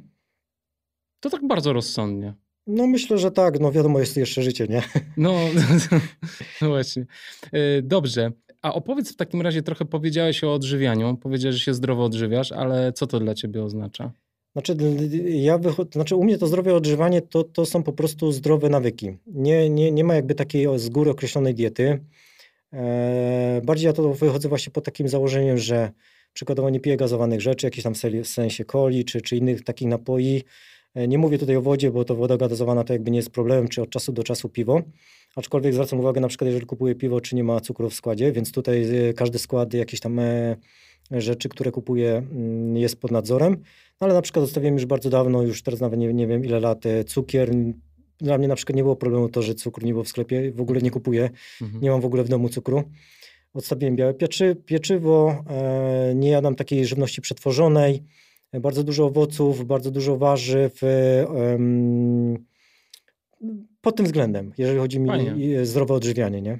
A jak masz zrobić sobie przyjemność, to co? zjesz? Właśnie to tak czasami się śmieję, że jeżeli chodzi o przyjemność, to kupuję sobie gorzką czekoladę. Wy- Wytrawny chłopak jesteś. Bo, taki. ale to jest, to jest takie trochę też zabawne, bo pamiętam za dzieciaka, jak przyjeżdżała babcia i wiadomo, jak to dzieci lubiły słodycze i tak przywoziła nam gorzką czekoladę i to z takim obrzydzeniem patrzę na tą czekoladę, a teraz z chęcią, wiesz. I przez to, że te ku- kubki smakowe gdzieś tam na przestrzeni lat się zmieniły, jak się odstawiło całkowicie cukier, to teraz czuję różnicę między 70%, 75%, czy tam 80%. Wiem, która jest słodsza, gdzie jakiś tam mniej więcej skład jest, nie? Świadectwa z czerwonym paskiem, najtrudniejsze biegi, gorzkie czekolady. Yy, Skąd się to wzięło? Jakby, dlaczego siebie tak puszujesz w ogóle? Znaczy ja, ja, ja to lubię, ja mam takie zamiłowanie i wiem też, wiesz, to jest takie, mi się wydaje, świadomy wybór i wiadomo, że się starzejemy. Z roku na rok jest, wiadomo, coraz, że tak powiem, trudniej z regeneracją, trudniej z tymi rzeczami, które gdzieś tam mamy w głowie i żeby, że tak powiem, przesunąć, odsunąć od siebie tą taką linię Nieuchronne. nieuchronną, st- to, to nasze starzenie, no to to jest element właśnie takiego mm, em, właśnie zdrowego podejścia do życia, Okej. nie? Na, na ile to jest Czyli to możliwe. trochę się tym odmładzasz wszystkim, tak? To Myślę, że powiedzieć. tak. Ale czekaj, ile ty masz lat? No właśnie. Nie wiem, 37, 9? E, czy w tym roku 40. No, Także wiesz, no to już, to już człowiek nie jest najmłodszy. no nie jest. Ale to wiesz, no wiesz, Dlatego wiesz, że to jest taki, taki sposób na to, żeby móc rywalizować jeszcze z tymi Tak. powiedzmy dwudziestolatkami w tam różnych e, imprezach, no to tu trzeba jakby podejść do tego całościowo. tak. Ale powiedz, bo ty dużo startujesz i dużo w takich ciężkich biegach. E, Nie martwisz się, że ty gdzieś za bardzo nadwyrężasz ten swój organizm i on w końcu powie dość? E, Wiesz co, to może tak zabrzmi trochę dziwnie, ale wydaje mi się, że staram się, albo przynajmniej tak w mojej perspektywie, ja to tak widzę, że staram się podchodzić do tego tak zdroworozsądkowo, w sensie takim, że okej, są zawody, są kolejne zawody, ale staram się patrzeć się na tą regenerację, więc na przykład sen to jest podstawa. Mhm. Wysypianie się, jakość snu. E, Nie wiem na ile to jest wiarygodne, ale sobie też tak gdzieś tam czasami monitoruję według zegarka, jak to tam wygląda. E, Więc u mnie ta regeneracja jest taka no, ważnym elementem, więc to jest Mhm. podstawa, więc wydaje mi się, że na ile jest to mo- możliwe, staram się podchodzić tak zdroworozsądkowo, um, pomimo, no powiedzmy, dość sporej ilości zawodów. No właśnie. A ty, jak masz zawody, które są w miarę blisko siebie, to ty trenujesz między tymi, tymi zawodami, czy bardzo le, lekko tylko próbujesz Wiesz- się właśnie y, totalnie zregenerować i troszeczkę poruszać, ale tak regeneracyjnie tylko? Wiesz co, to też e, w zależności jakie są były zawody, jakie są Aha. kolejne i też mojego takiego odczucia organizmu, bo wydaje mi się, że w ogóle sukcesem do jakby, mm, czy takim kluczem do, mm, do sukcesu jest to, żebyśmy umieli czytać swoje ciało. Mhm. I ja muszę wiedzieć, jak się, jak się czuję, czy ja mogę sobie jeszcze jakieś treningi zrobić, czy powinien odpuścić, żeby zregenerować i na tym lepiej, że tak powiem, wyjść przed kolejnymi zawodami, czy ewentualnie mogę jakiś tam lekki trening zrobić i no i wtedy go po prostu robię, nie? Dlatego ja często też nawet e, tak e, nie mam jakby z góry określonego planu, tylko na podstawie tego, jak się czuję po danym dniu, no to wtedy mm, decyduję się, robię taki trening albo po prostu zmieniam na coś innego, nie? Mhm. Pracowałeś z trenerem kiedyś? Pracowałem chwilę, mm, tylko wydaje mi się, że u mnie to jest taki problem, e, mm, że raz, że mam zmienność tych zawodów, więc tutaj troszkę tak ciężko, bo to są biegi górskie, czasami militarne, czasami jeszcze jakieś tam inne zawody, czasami nawet zdarzają, zdarzają mi się jakieś tam crossfitowe, więc y, czasami nad, y, jak, jak pracowałem z trenerem, to takie było ciężkie, żeby im to jakoś wytłumaczyć, że, że chcę tu wystartować, że była informacja, żeby tu może zrezygnować albo określić, które najważniejsze. Jak dla mnie praktycznie każde zawody są ważne. No właśnie. Więc to jest takie ciężkie. A dwa, zawsze jakoś tak, gdzie pracowałem, to... Mm, to, to wydarzyły się takie niefortunne rzeczy, gdzie ta nasza współpraca powiedzmy się prze, mm, skończyła. No bo pierwszy, pierwszy trener, z którym pracowałem, no to chyba tylko miesiąc wytrwałem z tego względu, że zerwałem wiozadło w kolanie, więc mhm. później troszkę musiałem odpuścić i już nie wróciłem, bo to też takie pewnie z jego punktu widzenia byłoby mało zdroworozsądkowe, a ja już po miesiącu ruszyłem w Radmagedonie Ultra, nie? No gdzie, tak. gdzie byłem drugi i to takie, no może było mało rozsądkowe, no ale tak, ja taki właśnie jestem. Trenerzy nie? tego nie lubią. No, więc to takie czasami właśnie się zdarzało. Z drugim trenerem, którym pracowałem, no to później się wydarzyła taka historia tam gdzieś rodzinna, gdzie gdzie mm, też musiałem odpuścić na chyba 2-3 tygodnie i później też już nie wróciłem. Hmm.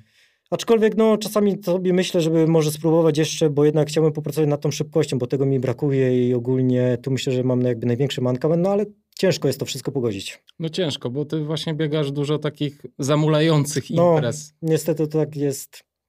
Za dużo tak, czasami człowiek by chciał Chciałby zrobić, wszystko. nie? No. A maratony jakieś biegałeś miejskie?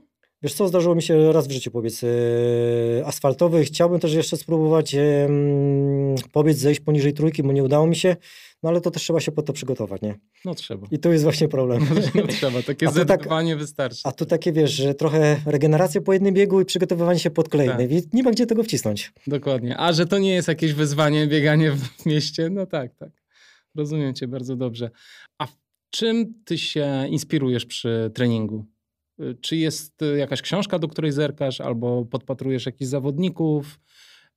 Skąd bierzesz podstawy teoretyczne dla tego treningu, który sobie sam ustawiasz? Znaczy, wiesz co, mm, nie trenuję, tak jak mówię, jak, według jakiegoś planu, bardziej to są moje takie odczucia i, i często po prostu tylko tam wprowadzam jakieś takie akcenty w, według swojego odczucia, po prostu, nie wiem, e, czy tam rytmy, czy, czy no podbiegu to już nie pamiętam, kiedy robiłem, ale ale to też bazuje jakby też po, po tym, jak się czuję chociażby po siłowni, bo jeżeli te nogi czy tam po crossficie są za bardzo zmęczone, no to na drugi dzień ciężko mi zrobić jakieś rytmy, po prostu idę i robię wybieganie w jakiś tak. chociażby, tak jak wspomniałeś, drugim zakresie, po prostu, tak. żeby te kilometry były nabite. Więc u mnie to jest takie mm, według własnego odczucia. Ale ty fajny masz ten drugi zakres, tam potrafisz 4,45 iść w drugim zakresie, nie? Jak się czuję, że tak powiem, zregenerowany, to Aha. tak, nie? Właśnie staram się troszkę mm, jakby... Mm, pracować nad mobilnością chociażby stawu po to, żeby ten, ten, ten krok był luźny. To mhm. też spowoduje gdzieś tam, że to tętno nam się obniża i można troszkę przyspieszyć i jakby pracować w tym zakresie. A jak się czujesz w technicznym terenie? Wiesz, jakieś głazy, kamienie, gdzieś gdzie nie masz ścieżki, albo po błocie, albo po jakiejś trawie. Jak się czujesz na takim? Wiesz co, lubię takie. Lubię tak? takie tereny. Dla mnie, tak jak mówię, im trudniej, tym w sumie lepiej, więc y, nie mam problemu. Mhm. I, I, ćwiczysz stabilizację e, Wiesz, pod takie właśnie. To znaczy wyzwanie? się, mm, tak sobie czasami myślałem, z czego jakby to wynika, bo tak jak mówiłem, e, bardzo lubię zbiegi. Hmm. E, tak sobie pomyślałem, że być może to wynika z tego, że jak się grał w piłkę, byłem taką osobą, która gdzieś tam grała na pomocy, na boku pomocy, więc biegało się od pola karnego do pola karnego, więc stąd też jakby takie naturalne przejście w biegi, ale to też powodowało, że nie, by, bycie jakby niewysoką osobą powoduje, że miałem ten balans mhm. i takie zmiennokierunkowe bieganie, więc to mm, wydaje mi się, że ten balans y, przeszedł mi automatycznie na zbieganie. Mhm. I zbiegając, y, ja sobie czasami to tak patrzę troszkę jakby e, analiza komputerowa, po prostu sobie analizuję teren, wyszukuję takie podłoże, te kamienie najbardziej stabilne, e, kątem oka gdzieś widzę ten kamień i później już nie patrzę na niego, gdzie stawiam, tylko po prostu już kolejny. Mhm. Więc to jest u mnie takie naturalne i nie mam problemu ze zbieganiem. Mhm. E, nawet, e, nie wiem, gdzieś tam chyba nie, nie, nie zdarzyło mi się tak, żebym się wy, wywrócił na zbiegu. Zazwyczaj jest to em, zdarzyło mi się kilka razy gdzieś wywrócić, ale na płaskim terenie, gdzie już ta koncentracja gdzieś spadła, czasami człowiek gdzieś tam jakby to odpuścił i nie podniósł nogi, gdzieś o coś zahaczył i się wywalił, ale na, na zbiegach nie. Myślę, że u mnie mam taka, taki naturalny balans, gibkość Mhm. ciała, która u mnie się przekłada właśnie na to, że, że wychodzi mi to tak naturalnie. I często też słyszę, że niektóre osoby by- jakby boją się zbiegać. Ja tego strachu nie mam. Po prostu ja czasami tak się śmieję, że zamykam oczy i po prostu lecę w dół na wariata. Tak? Udaje ci się tak po prostu luźno puścić nogi tak, lecieć? tak, A, tak. to jest tak. super. Dlatego też jest jest, jest nawet taki bieg, teraz chyba będzie trzecia edycja, ten downhill e, Mhm. z Gorców. I nawet dla mnie jest lepiej, jak popada, jest gdzieś błoto, Mhm. bo sobie dobiorę buty z odpowiednim bieżnikiem i wtedy wiem, że mam przewagę nad osobami, osobami, które się boją. Ja po prostu lecę w dół, e, że tak powiem, na wariata i czuję się jak w swoim środowisku. No super. Ale na takich dłuższych biegach nie boisz się, że nie wiem, czwórki ubijesz sobie za bardzo? Dlatego to już to, wiesz, trzeba wziąć jakby mm, strategię. Nie, nie robisz tego na samym początku, tylko na końcu. Jeżeli jest potrzeba, bo że kogoś tam gonisz. Bo jeżeli nie ma, to, to wtedy sobie kontrolujesz, żeby dobiec i jakby nie ryzykować e, tam, nie wiem, skręcenia, wywrotki Tak. czy czegokolwiek innego. No ale jeżeli wiesz, że masz zawodnika w, jakby na wyciągnięcie ręki i, jest ta siła, no to po prostu lecisz, No nie? Jak jest to 70-80 km. Nie robisz tego na 20. No Bo jasne. wiadomo, że w perspektywie być może braknie ci tam, nie wiem, siły, być może skurcze cię zaczną chwytać albo coś innego, nie? Tak. A ten bieg z turbacza, on jest krótki, prawda? Tak, to jest tylko 5 km, no i dlatego możesz po prostu lecieć No tak. w dół ile sił. I startuje się na górze? Tak, startuje się na górze, to jest około tam właśnie niecałe 5 km, chyba 700 metrów w dół. No tam się leci tak około bliżej trójki, tam 30, coś takiego średnio wychodzi. Kurczę, ła- No jest szybkie bieganie.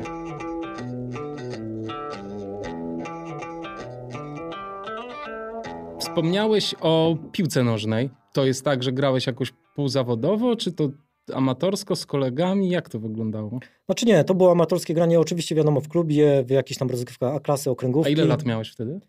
Już nawet nie, nie pamiętam kiedy zacząłem, ale to też, e, nie wiem, może było 5-6 lat, nie wiem, 7.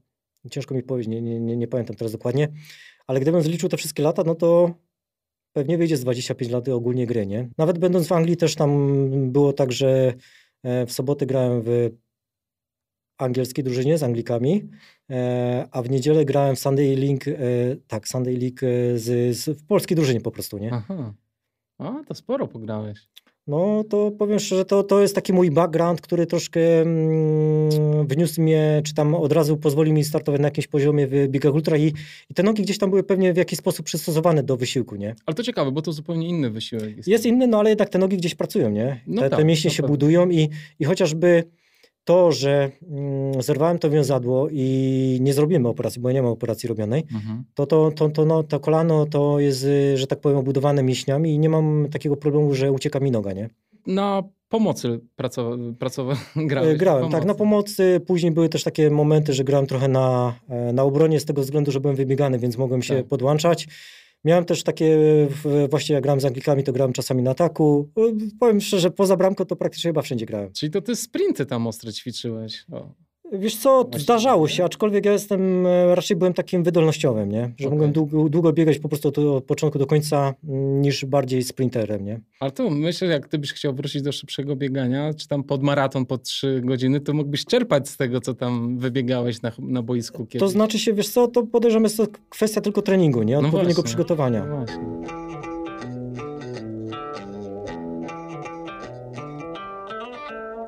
Bo ty nie urodziłeś się w Warszawie. E, Gdzie, gdzie mieszkałeś? Gdzie się urodziłeś? Gdzie, gdzie dorastałeś? E, To znaczy się urodziłem na Śląsku, to jest taka mała miejscowość Redutowy niedaleko Rybnika. Mhm. E, aczkolwiek zabawna historia, bo moja mama jest z gór. Mm, Ona po- podejrzewam, że to tak było, nawet nie dopytywałem, za pracą przyjechała na Śląsk, więc e, płynie we mnie góralska krew. Więc często tak sobie tłumaczę, że ta moja niepokorność w pewnych kwestiach to jest właśnie związana z tą powiedzmy góralską krwią. I co jest też takiego ciekawego, to e, właśnie będąc dzieciakiem, ja nigdy tak nie lubiłem chodzić po górach, czy tam nigdy nie biegałem. Dopiero, wiesz, mając tam właściwie jak wróciłem z Anglii, mając 30 lat, dopiero zacząłem biegać e, i gdzieś tam ciągnęło, ciągnęło mnie w góry, więc to takie jest trochę czasami zabawne, nie? Taki No też Paradoks. Rybnik, nie leży w górach. Nie leży w górach. E, no do gór tam mieliśmy z 80 km, No. powiedzmy okolice Bielska, czy tam e, Szczyrk, więc też e, Jak już zacząłem biegać, no to w tych górach powiedzmy, a mieszkam jeszcze na Śląsku, no to tak w te góry też nie jeździłem za często, to też tak się wydaje, ale e, może byłem raz w miesiącu, e, to jednak tego czasu zawsze brakowało, a tam dojechać no to też półtorej godziny, czy, czy powiedzmy godzina 15, powrót to już dwie godziny 30 minut i ten jednak czas można byłoby spożytkować inaczej, chociażby, że tak powiem, na życie, więc czasami się to gdzieś tam wybierało, nie? E, jako młody człowiek lubiłeś poszaleć sobie, czy... W sensie? No wiesz, imprezki, alkohole, takie e, Wiesz rzeczy, co, czy... nie. Ja raczej takim byłem człowiekiem poukładanym i miałem taki moment, jak miałem 18 lat, e, gdzieś mój ojciec zmarł i, i, i chyba wtedy przyszedł taki moment trochę buntowniczy. Pamiętam, jak, jak chodziłem do, do liceum w Raciborzu. To było takie może pół roku, być może rok, gdzie troszkę właśnie wtedy pobalowałem, ale później mi to przeszło i mhm i ja tak e, nie jestem taką osobą, która, która baluje, nie? A to jeszcze powiedz, jeśli możesz, co w Anglii robiłeś? Wiesz co, e, byłem kierowcą na samym początku, właściwie dość długi okres czasu. E, dostarczaliśmy samochody do, do różnych firm, do, do osób prywatnych, aczkolwiek łączyłem to równolegle z taką moją jednoosobową firmą też właśnie IT, nie? Aha, okej. Okay. Z wykształcenia jestem IT, a tam też zbudowałem swoje takie właśnie, można powiedzieć, doświadczenie i to był taki mój dodatkowy zarobek, nie? Fajnie. Dobrze, Daniel, to opowiedz jeszcze o swoich planach na najbliższy rok. Nie wiem, teraz jeszcze jesień idzie, ty lubisz biegać, jak jest e, zimno i mokro. Właściwie dla mnie to tak cały rok biegam i jakby nie ma to znaczenia, jaka jest pora roku. A właśnie, upał tobie nie przeszkadza za bardzo? Nie, ani, ani upał, ani, ani jakby te, te takie ujemne, czy tam zima, um, pogody też dla mnie nie są problemem, więc właściwie mogę cały rok biegać. E, w tym roku jeszcze dwa lub trzy biegi militarne, to jeszcze tam się okaże. Najbliższy bieg nie, śladami generała Nila od Zmierzchu do Świtu. To jest taki trochę górski bieg, e, aczkolwiek bez żadnych punktów odżywczych, więc wszystko mamy ze sobą. E, Ale w rynsztunku wojskowym? Nie, na sportowo, aczkolwiek y, zaczyna się o zmierzchu i ty, ty jakby czas, czy tam limit jest do świtu, jest to trasa tam z góry określona, tylko tak jak mówię, nie ma, nie ma żadnych punktów odżyw, odżywczych, więc wszystko mamy ze sobą. E, później będzie Grom Challenge, to jest taki już militarny w rusznynku z jakimś tam obciążeniem. E, organizowany przez gromowców. E, w tym roku jest dziesiąta edycja. E, później jadę na Pirin Extreme do Bułgarii. Ach, jedziesz na Pirin? Tak. Zazdroszczę ci. Zdecydowałem się właśnie, no to też tak wyszło trochę, wow. Mm, nie wiedziałem w ogóle, że tak, wiem, właśnie jak zobaczyłem trailer, jak wygląda, dlatego zdecydowałem się, poza tym to trochę połączę tak z, jakby z urlopem, mhm. tam zostajemy z dziewczyną parę dni, więc trochę odpocznę, no i w zależności jak się będę czuł, to być może tydzień po wystartuję na mm, maratonie selekcja, który bardzo mi się podobał w tamtym roku. To znowu organizowany taki bieg e, też właśnie w Bieszczadach. E, w tym roku właśnie oddzielnie, bo zazwyczaj było tak, że równocześnie z maratonem bieszczackim, tym jesiennym, e, przez jednostkę Agat, góry, obciążenie, mundur i tak dalej.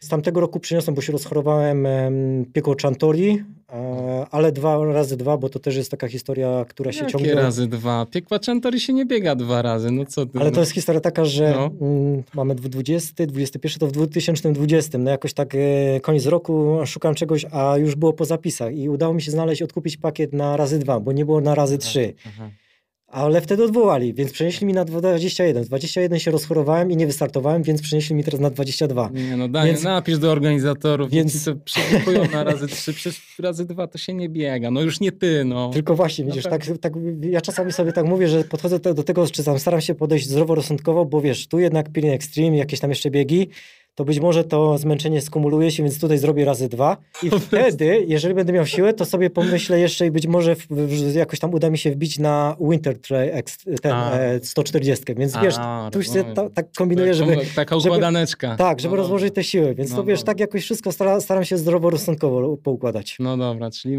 masz trochę rozsądku, spoko, dobrze.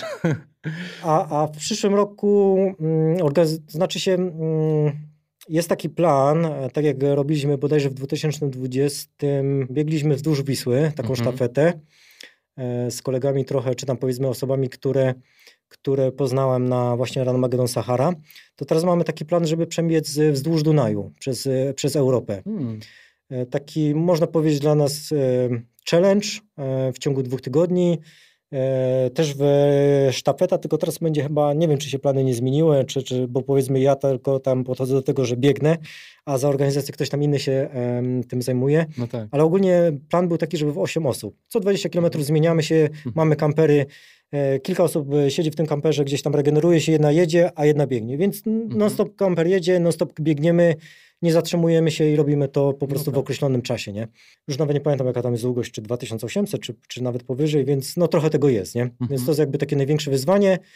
Pewnie kilka jakichś tam biegów, ale to też jeszcze mm, nie mam zarysowanego planu. No być może poza, poza dwoma militarnymi, trochę tak się śmieję z tego względu, że przez to, że je wygrałem, to dostałem e, voucher na kolejny bieg, więc automatycznie jakoś tak... Wciągają cię te No, militarne biegi. jak już mam, no to okej, jeszcze raz spróbujemy tam pobiec. To jest setka komandosa i właśnie teraz e, ostatnio co byłem bieg Tygrysa. E, na pewno coś tam jeszcze wrzucę w ten bieg, ale to muszę pomyśleć, co by tam, e, co by tam pobiec. No i mam już też plan na 2024. Chciałbym zrobić hardą sukę, triatlon. A, piękna rzecz. No, muszę, muszę sobie, że tak powiem, skupić się i trochę się zmusić do pływania, bo pływania nie lubię, więc y, już nie, nie myślę o tym 23, ale 24, żeby przygotować Mhm. sobie pływanie, nie? Więc jak to przygotuję, to myślę, że będzie dobrze. Oj, fajnie, to fajne zawody. E, powiedz, e, a jakieś biegi zagraniczne? Ciężkie, typu tor, wiesz, albo... Wiesz co, chciałbym pobiec Tour de Jant, Mhm. e, nawet y, tak myślę, chciałbym powiedzieć się dwa razy, bo najpierw ten krótszy, w Tak. sensie ten 300 km, a później 400. No ale to wszystko, wiesz, zależy od tego, czy, czy uda mi się jakieś tam finanse zebrać, bo to jednak nie jest e, tania sprawa. Same wpisowe to jest e, bodajże 1000 chyba euro. Tam. A jeszcze myślę, że pewnie drugie tyle, albo być może nawet troszkę więcej na dojazd, zakwaterowanie, wyżywienie. Więc no to, no to jest razy dwa. Więc no nie wiem, e, tak sobie zakładam, że być może, być może w przyszłym roku ten krótszy, no ale to wszystko zobaczymy, nie? Mhm. A druga kwestia to jednak to podróżowanie, zobaczymy jakie będą restrykcje. Ja mam tam powiedzmy pewne podejście do tych wszystkich spraw, więc też nie wiem, czy po prostu będzie taka możliwość, nie? Podróżowania. Mhm. Ten Pirin, powiedz, jaka jest data tego Pirinu? 20, teraz nie pamiętam, drugi, trzeci e, września. A, września, to już zaraz. Startujemy w piątek bodajże 8 rano.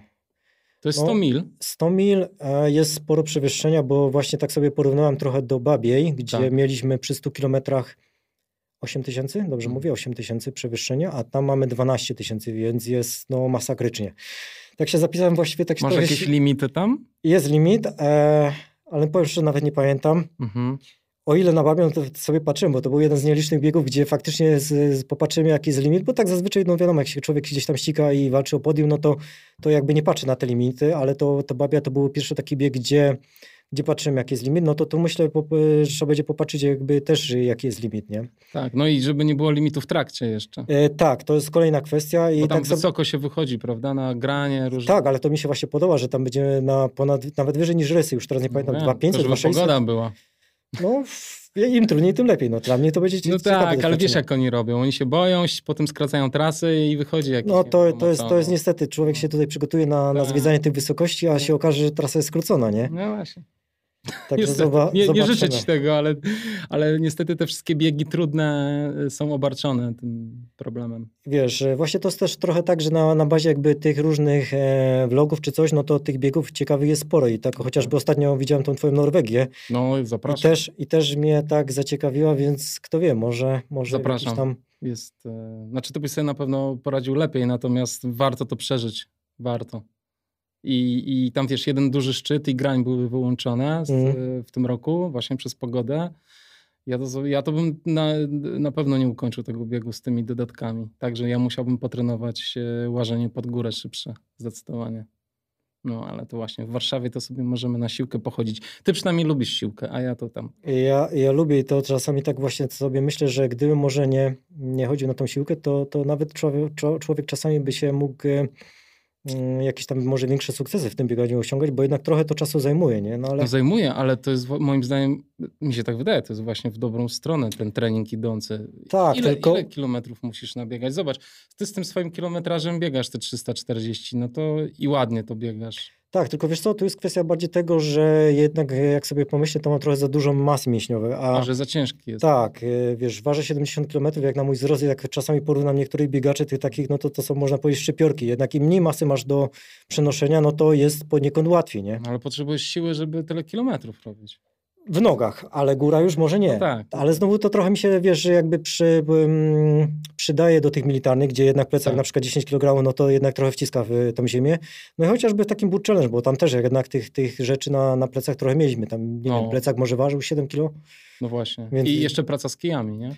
No, No kijów nie tak. potrzebujesz aż tyle, no ale... Powiem szczerze, że kilków nawet za bardzo nie lubię, ale czasami jak Aha. już jest jednak taki bieg 100, no tutaj na Babiem wziąłem, bo jednak tego przewyższenia trochę było, ale jak już jest tak powiedzmy 150 km, no już wtedy czasami biorę, nie? Często lubię po prostu mieć te dłonie wolne przy tych zbiegach czy coś, jednak Mhm. ciałem balansujesz, łatwiej się zbiega, nie? Tak, a składanie tych kijków jest No jest takie trochę uciążliwe, zawsze to tak, no nieporęcznie się biegnie. nieporęczne, to prawda. Fajnie. E, powodzenia ci życzę, Daniel. Na, ty- nie wiem, wysyłaj fotki, napisz jakiś fajny tekst.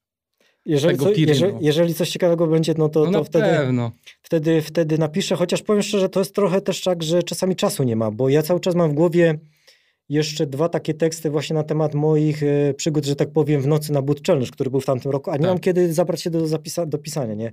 Z Poza dyktafonem tym- musisz biegać. Poza tym to jest jeszcze tak, że samo pisanie i nawet jeżeli ten czas mam, a nie czuję tej weny, no to też nie, nie piszę. Ja, to wiesz, Tak. to jest tak, że musisz czuć ten. Tak. Czasami tak się śmiałem kiedyś, że, że autorzy książek, jak piszą coś, nie mają weny, no to nie piszą. Nie, nie czują tego takiego flow, żeby napisać. Teraz już wiem, o co im chodziło. To jest fajny temat. Co musi być w biegu takiego, żebyś ty chciał go pobiec? Trudny. No. E, dobrze, jak mało osób go ukończy, bo to wtedy wiesz, że jesteś jakiś tam e, jednym z nielicznych. E, nie wiem, co jeszcze. Czyli im trudniejszy, tym lepszy po prostu. No. Ale na przykład walory wizualne są dla ciebie ważne? Są, Trasy? są, są, Są. są, są, bo to też przyciąga. E, na przykład był taki bieg długi w Jurze e, krakowsko-częstochowskiej. Cieszę się, że tam się nie zdecydowałem pobiec, choć może to źle zabrzmi, ale ta trasa, tam supportowałem kolegę na 50 km, tam był też bodajże 240, gdzie się zastanawiałem, czy nie pobiec i dobrze, że nie pobiegłem, bo ta trasa była nudna. Taka, no jakbym poszedł, takie trochę jakby parki, to, to trochę tak się śmiałem, jakbym wyszedł u siebie pobiegać po lesie. No No to tak. nie, zaciekawiło, nie zaciekawiłoby mnie to. Czy kiedyś nie ukończyłeś jakiegoś biegu? Tak, były takie początki. Mm, pamiętam pierwszej e, łemkowiny nie ukończyłem. Mhm. Miałem problemy z kostkami, gdzieś tam w tym błocie mi się powykręcały. Później e, ściągłem, e, pamiętam, buty na którymś punkcie. Miałem już problem, żeby je ubrać, bo miałem tak spuchnięte nogi, za duży ból i, i nie ukończyłem. 150? 150, mm, czego jeszcze nie ukończyłem.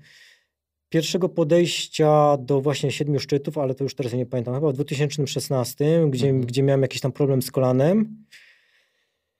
Nie ukończyłem e, buta challenge też pierwszego podejścia, ale to właściwie była trochę głupotą, bo to był ten rok, kiedy zerwałem wiązadło i nie byłem po prostu przygotowany. Tak. No ale to A- można wybaczyć, bo tam nikt nie, ukończy, nie kończy. No, to, to była taka edycja, której nikt nie ukończy, a poza tym, no, to, to po prostu nie byłem przygotowany, bo jeszcze chyba półtora miesiąca przed y, startem biegłem e, któryś raz Magedon Hmm. i zeskakując ze ścianki zablokowało mi się kolano. Ja mam po prostu też uszkodzoną łąkotkę i w momencie, kiedy e, gdzieś tam źle staniesz, to ona, jeżeli się nieodpowiednio ułoży, to być może ci zablokować. I ja tak miałem właśnie. Zablokowało mi się później po takim, wiesz, ona gdzieś mi tam skoczyła, ale po takim e, incydencie, no to zazwyczaj mi to zajmowało miesiąc, a do dojścia do takiej wprawy, różne tam ćwiczenia na siłowni, które, które robiłem do wprawy, do takiego dojścia do pełnego wyprostu i zgięcia. I to też powoduje, że już nie możesz biegać, gdzieś tam te treningi są nie takie, jakie powinny być, więc nie jesteś w stanie się przygotować pod boot- challenge. No a ja, jak już byłem zapisany, no to wystartowałem. No i zrobiłem chyba 130 km, tak mi się wydaje. Mhm. Nie, wtedy zrobiłem, nie, wtedy zrobiłem, to, to, to był drugi boot challenge. Pierwszego, pierwszego, a nie, to dobrze mówię, 2017 to był jeszcze inny boot, challenge. To zrobiłem chyba 130, a ten, którego nie ukończył nikt, to był 2019 rok, dobrze mówię? 19 chyba. Wtedy tam co Marek było- Krutek y, Tak, pobiegł najdalej. Tak, tak. To Mhm. tam miałem jakiś problem z mięśniem brzucha tym e, mm, na łydce. Zaczął już mnie bolić gdzieś około setnego kilometra. dobiegłem do 200 i tak już nie wiedziałem, czy to nie jest okolica Achillesa i tak sobie myślę, lepiej zdroworozsądkowo zejść, niż gdybym miał coś tam, coś mi się stać, więc to tak, wiesz, niby przeciągło z tej setki do 200 kilometrów e, z tym bólem, no ale już uznałem, że to jednak jest ryzyko i, i lepiej zejść i, i zszedłem, nie? Siedzi to w tobie? Te DNF-y siedzą? Siedzą, nie lubię, nie lubię takich tych i dlatego no, mam nadzieję, że już takiego biegu nie będzie, którego nie ukończę.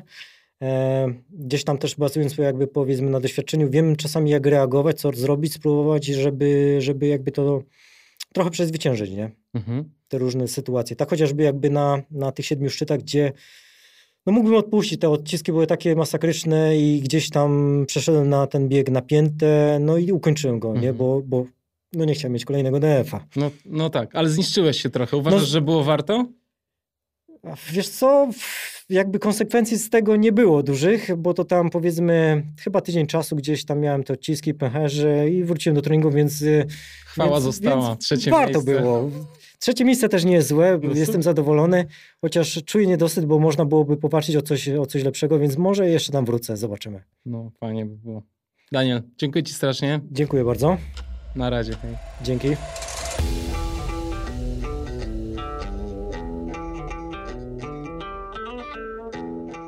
Ech, rozmarzyłem się trochę. Piękne widoki, dzikie granie, długie trasy. Ech. Żeby jeszcze tylko człowiek bliżej tych gór mieszkał i mógł konkretniej w naturze potrenować, a nie na siłowni. To by było coś. No ale doceniajmy to, co mamy, bo mamy dobrze, kochani. Z zapartym tchem będę śledził występ Daniela na Pirin Extreme. Naprawdę polecam Wam odwiedzić pirinultra.com i zobaczyć, co to za bieg. Wspaniałe zdjęcia. Jak podpakuję kiedyś nogi na siłowni, to się zapiszę na bank. A o czym wy marzycie, moi drodzy? Jaka trasa wyłania wam się ze zmurszałych zakątków świadomości, gdy zamkniecie oczy i naprawdę głęboko, pomimo strachu, zajrzycie w swoją duszę? Drodzy patroni, dziękuję Wam serdecznie, że ciągle dołączacie do grona osób żywo zainteresowanych tym podcastem. Jest Was w tej chwili 335 patronek i patronów. To już 20 osób więcej niż było przed przerwą. Mam ciche marzenie, że kiedyś będzie Was tysiąc. Dzisiaj sięgnąłem po listę osób, które wspierają podcast od bardzo, bardzo dawna. Patronite generalnie nie daje mi jakichś super precyzyjnych statystyk i czasem muszę poważnie pogrzebać, więc tym razem pogrzebałem i wyszła mi taka kolejność dołączania do grona patronów. 37 miesięcy Michał Gajewski. Szacunek. 36 miesięcy Mateusz Grzegorczyk. Serdecznie dziękuję. 33 miesiące Magda Maciaszczyk, Krzysiek Bednarz, Marek Sulencki, Marek Socjusz. Dzięki kochani. 32 miesiące. Marcin Stefaniak, Michał Rzepnikowski, Edyta Winnicka, Adrian Litkowicz oraz pani o imieniu Agnieszka. Dzięki. 29 miesięcy. Ewa Kierzek, Krzysztof Jachymski, Miłosz Woźniak, Błażej Łyjak. Szacun. 28 miesięcy. Jan Teclaw, Adam Pawliński. Dziękuję. 27 miesięcy. Sebastian Florek, Paweł Gądkiewicz, Mirosław Klinowski, Grzegorz Iwachow oraz pan Paweł. Dziękuję Wam, kochani, strasznie. Ta lista oczywiście mogłaby być bardzo długa i mam nadzieję, że jakoś w częściach kiedyś uda mi się wymienić Was tutaj wszystkich. Podcast Black Hat Ultra przygotowuję ja, czyli Kamil Dąbkowski oraz Piotr Krzysztof Pietrzak, który wspiera mnie tutaj w różnych działaniach. A autorem muzyki jest Audio Dealer. Jeszcze raz dziękuję, że jesteście i że słuchacie. Jeżeli macie jakiekolwiek prośby lub pytania do mnie, kierujcie je pod adresem ultra. Buźka.